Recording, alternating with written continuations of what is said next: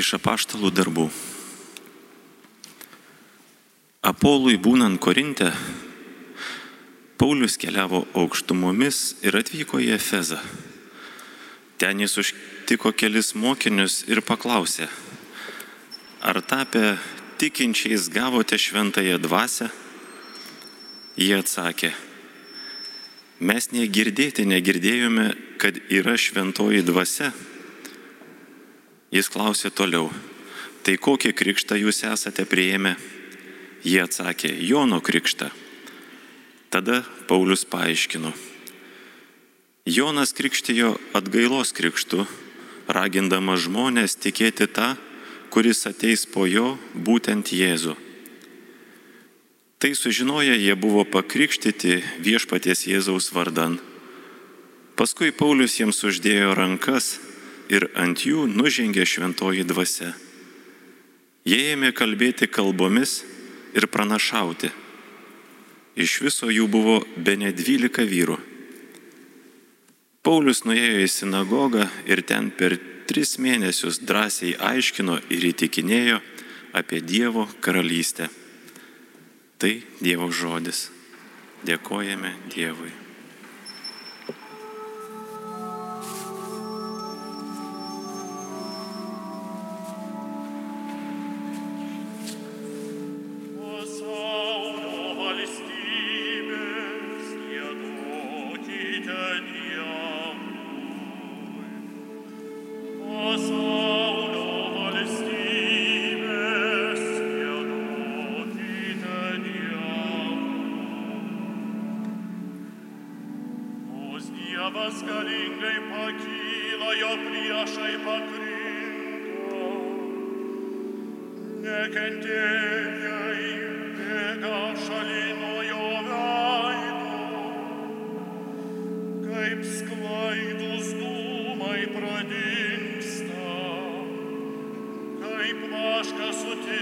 Prieš ugnį, kaip Dievo akivaizdoj nusidėjėliai žūva.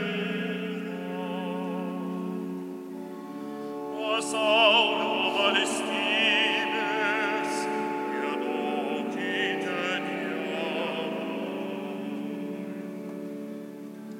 Ogi teisieji Dievo akise krikštauja žavis, šokinėja Giesmės Dievui giedokit, skambinkit jo vardo garbę jis viešpats vadinas. Pasaulio valstybės, giedokite Dievui. Tėvas našlaičiams, globėjams, našlėms yra Dievas, šventojoj buveinėj duoda namus apleistiesiems, belaisvėms gerovės duris atidaro. Pasaulio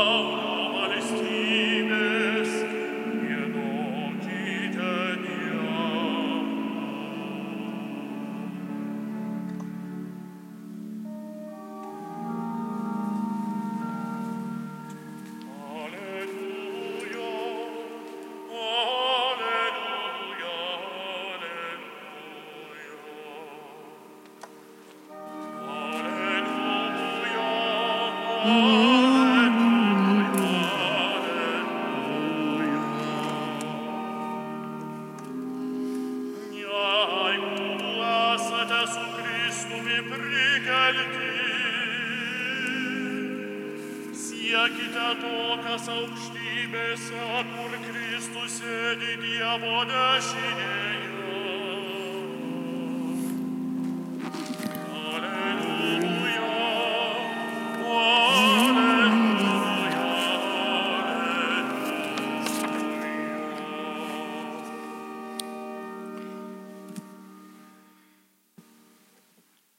Viešpat su jumis. Ir su tavimi.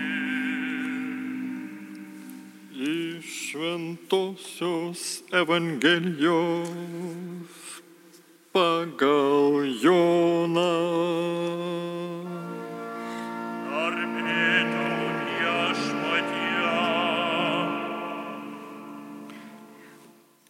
Mokiniai Jėzui tarė, štai dabar tu aiškiai kalbi ir nebesakai jokių palyginimų. Mes dabar matome, kad tu viską žinai ir nereikia tave klausinėti.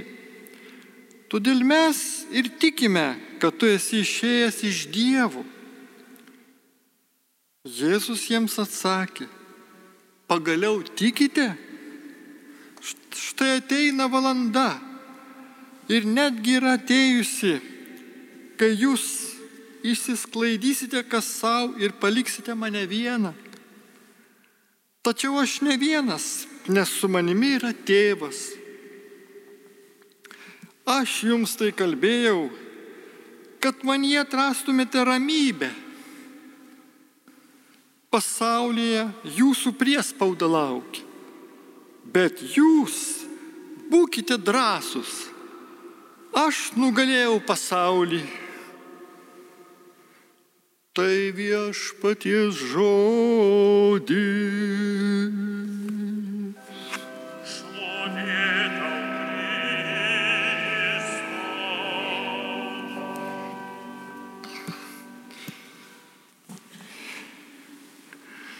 Būk viešpatie Jėzau pagarbintas ir pašlovintas ne tik mūsų maldomis, bet ir gyvenimo darbais. To mes trokštame, kad galėtų mums ateiti Dievo dvasios veikimas kaip viešpaties trejybės palankumas mums, kurie laukiame malonių gausos, laukiame ramybės ir taikos, nes viešpas va štai mums kalbėjo, kad atrastumėt ramybę manyje. Ir pasaulis tos ramybės niekada neduos. Nes mes matom, kaip greitai pasibaigia, kai žmogus savo dėmesį nukreipia į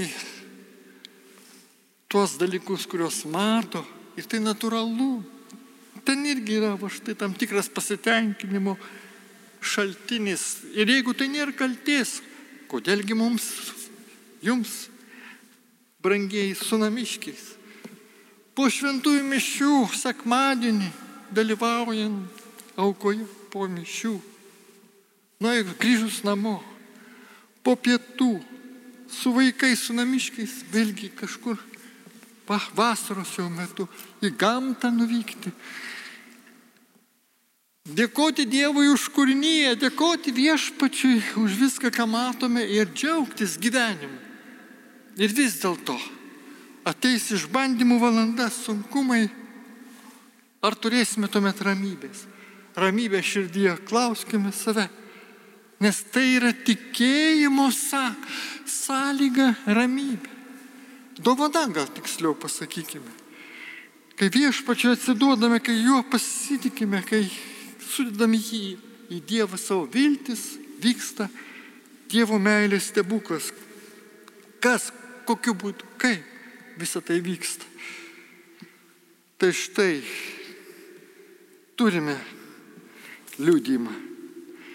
Krikščionis turi plačią širdį ir platų akiratį. Jam atsiveria Dievo ketinimai ir galutinis tikslas, į kurį viskas veržiasi. Ne tik jis pats, bet ir visas gyvenimas, visas pasaulis. O čia turėkime omeny, kad Dievas valdo, o ne šetonas, nenuodėmi ir ne žmogus, diktatorius, mirtimi alsuojantis. Ne, viešpats valdo. Tai leidžia mums pasitikėti, kad nepaisant žmonių tarpusavio kovos ir greunančių kartais gamtos jėgų, ar dar labiau sugedusios žmogaus širdies minčių, planų, sprendimų, nepaisant tų dalykų, Dievas viešpatauja savo sostę ir viską valdo. žinau, žinokit ir patį šetoną, sulaiko Dievo gale ir jo piktai jėgai duodama pasireikšti tik tiek, kiek Dievas leidžia. Ir dar atsiminkite, tik iki, iki to laiko, kol Dievas leidžia jam veikti. Šventasis raštas mus moko, kad Dievas turi atitinkamą planą kiekvienam istorijos periodui, kiekvienai tautai ir atskiram žmogui. Biblija mums atveria Dievo planą dėl Jėzaus Kristaus ateimo ir jo karalystės įkūrimo. Tokiu būdu krikščionio gyvenimas eina pagal Dievo planą, ne pagal žmogaus užmačias. Ir žinoma, kad jos gali su, sukliudyti tos užmačios, tos, tas egoizmas dėl gimtosios nuodėmės padarinių. Visada tai prisiminkime, tas blogis atrodo ima viršų, nes jis va štai iškeliamas. Jo gazdinama žmonės ir užmirštama, kad viešpas viršum visko. Jis nugalėjo va štai pasaulio nuodėmę,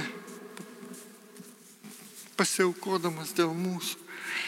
Mirdamas, prisikeldamas ir daugel kartų pasirodydamas, įrodė, kad jis yra gyvas, kad reikia juo kliautis, jam visus savo rūpešius, savo gyvenimą, viską į jo rankas patikėti, viską jam atiduoti. Taigi tai ramybės ir laisvės versmė, kai mes tikime ir pasitikime viešpačiu ir vaikščiojam su juo drauge. Ir štai šią progą norėčiau prisiminti prieš kelis dešimtmečius gyvenusi Didžiojo Britanijoje, misionierių garsus, Smita Vigelsfortą, kuris kartą vaikštinėjo su milijonieriumi ir jis šnekučiavusi. Taigi su labai turtingu žmogumi. Ir paskui jis va štai liūdėjo apie savo laimę, tas Smitas Vigelsfortas liūdėjo jam, nes pats buvo Dievo malonė sustiprintas, dėkoju viešpačiu už išgydymo pamaldas, kurios vyko atviroj erdvėj, daugybė žmonių buvo išgydyta ir jis džiaugiasi tuo, tai džiaugiasi pačiu Dievu. Ir štai kaip jis netikėtai kreipėsi tą milijonierių tokiais žodžiais. Broli, šiame pasaulyje aš neturiu jokių rūpeščių. Esu laimingas kaip paukštis. O palaukit. Liūdėjot Vigelsvertas. Nes jis tas, va štai turtuolis sustabdė mane. Pakartokite tai, pakartokite. Na ir sustingo laukdamas, kol aš pakartosiu. Broli, aš neturiu jokių rūpešių esu laimingas kaip paukštis. O aš atiduočiau visus savo pinigus, visus turtus, viską, kad tik tai patirčiau. Nu nenusipirksi turtingas žmogau ramybės už jokius eurus ar dolerius. Tai Dievo malonė yra taika, dovana pagaliau viešpaties mums suteikta iš viešpaties gerumo lobynų. Taigi palaimintas žmogus, kuris tiki ir pasitikė viešpačiu ir tęsia savo gyvenimo kelionę su juo, viską jo rankas atiduodamas ir pasitikėdamas viešpačiu, net varguose sunkumuose, išbandymuose. Prisimename Jobą. Jobą, kuris va štai klausia save ir taip pat ir Dievą. Skaitome Jobo 14 skyriuje tokį klausimą. Kai žmogus numiršta, ar jis vėl bus gyvas? Ir žinot, jis pats atsako į šitą klausimą. Tai iš tiesų įdomu išgirsti Dievo žodis tai byloja jau vėlesnis skyrius Jono Jobo 19 skyrius skelbia. Juk žinau, kad mano atpirkėjas yra gyvas. Galų galiai jis kaip pakils kaip liudytojas žemėje. Tai yra nuostabu. Tai duodamas toks apreiškimas dar Jobų nepažįstant Kristaus. O jau jis kalba apie atpirkėją, kad jis yra gyvas. Ir dar mano atpirkėjas, taigi jis taip sako, tai viešpas atlygina va, žmonėms už, kartais už tą atsidavimą pasitikėjimo Dievu, duoda net tokį tikrai ypatingą šiuo atveju apreiškimą. Tai galime tik tai tuo džiaugtis, kad viešpas aplanko savuosius ir mus. Ir mes galime ir turime taip sakyti, o viešpatie Nesame antrarūšiai žmonės, nesam tie, kurie va štai savo akis esame nudelbę į žemiškus dalykus. Rūpinamės tik tais dalykais, kuriuos regime, kurie mums po ranka. Būtis neužgož dvasinio gyvenimo, nes mes va štai prisiminsime, kas mes esame ir kas dėl mūsų padaryta. Kam viešpas savo ateimu į šitą gyvenimą mums padovanojo, ką jis padarė. Visada te būna prieš mūsų akis šis va štai paveikslas. Nukryžiuotasis, prisikėlusis ir su mumis nuolatos pasiliekantis viešpas, didžioji gyvoji meilė. Tad kokios perspektyvos Tai tikrai kokia mums ateitis, kokia viltis ir koks gyvenimas. Tikrai nenorėčiau iškeisti vietomis tų dalykų su pačiu įtakingiausiu žmogumi žemėje, neturinčių, stokojančių viešpaties malonės. Verčiau sutiksiu likti karalių karaliaus sunumi Kristaus paveldėtojų, karališkosios, dangiškosios šeimos narių. Tokį va štai darau pasirinkimą. Toks mano sprendimas. Tebūna. Kiekvienas taip sakykime savo širdyje. Nėra geresnio pasirinkimo kaip mūsų viešpas. Aš žinau, iš kur atėjau, žinau, kodėl esu čia ir kur einu. Ir todėl mano sieloje ramybė. Taip, dėl jos reikia mokėti kainą. Be abejo, viešpas mums primins, kas nori sekti mane, tai atsižada pats savęs, te paima savo kryžių ir teseka manimi. Tai va radikalus savęs atsižadėjimo kelias.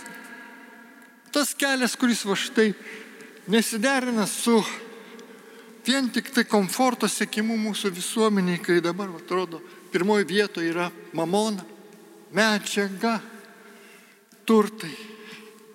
Ir žmonės yra suviliojami šių pagundų, linksmybių, duonos ir žaidimų. O mums negana šitų dalykų. Taip, mes jų neignoruosim, būtinių dalykų, kurie mūsų gyvenimą pagerina, ypač padeda mums prie Dievo šlėtis. Ir tegul tai būna didžiausias mūsų troškimas jam priklausyti, o ne daiktui, ne, ne kokiam nors stabui, dėl kurio kyla priklausomybės. Nekalbu apie alkoholį, apie narkotikus, kuris, kuris tos blogybės plinta ir žiūrėk dar girdima jaunimo tarp. Viešpati, jei nebus tavęs mūsų širdyse, bus tuštuma, kurią va užpildysim pasaulio tuštybė. O tu nori, kad mūsų širdį būtų ramybė. Todėl žinau, ko, ko tikiu ir ką, pasirinkau. Šėls pasaulio audra, jūra daužysis į uolas, keldamas ruščias bangas. Blikščio žaibai, dundės griaustinis, pusmargus vėjas bet uolos plyšyje kietai miegos paukštelis pasikišęs galvą po, po sparnu. Miegos ramiai ir kietai. O tai yra ramybės oazė. O tai yra sugebėjimas miegoti per audrą. Taip kaip valtyje viešpas ilsėjosi, nors mokiniai jau buvo persigandę iššaukti viešpati gelbė, užmirždami, kad Jėzus su jais. Bet šaukimės jo viešpaties pagalbos. Tai būna jis mūsų gyvenimo inkaras, mūsų rūpešiuose ir skausmuose, nes mes viešpati tavęs kartais nebematome vidinėmis akimis. Tu iš mūsų gyvenimo kyrašio dinksti dėl to, kad mes nuo tavęs kartais nutolstame per nelik save, pajungdami pasaulio dvasį. O tu esi tas, kuris valdai pasaulį, jau sakėme, valdai piktai. Todėl norime Jėzau pasilikti tavimi, tavyje. Norime būti ramus ir turime ramybę, nors šis gyvenimas ir neramus, kupinas išbandymų abejonių. Taip, audra šėlsta, bet mūsų širdise te viešpatauja ramybė, visiška ramybė, Dievo dovana ir mūsų dvasinio gyvenimo ūkdymas Dieve, šlovė karaliui, viešpataujančiam per malonę mūsų širdise, mūsų gyvenime, mūsų dabartyje ir ateityje. Šlovė jam. Amen.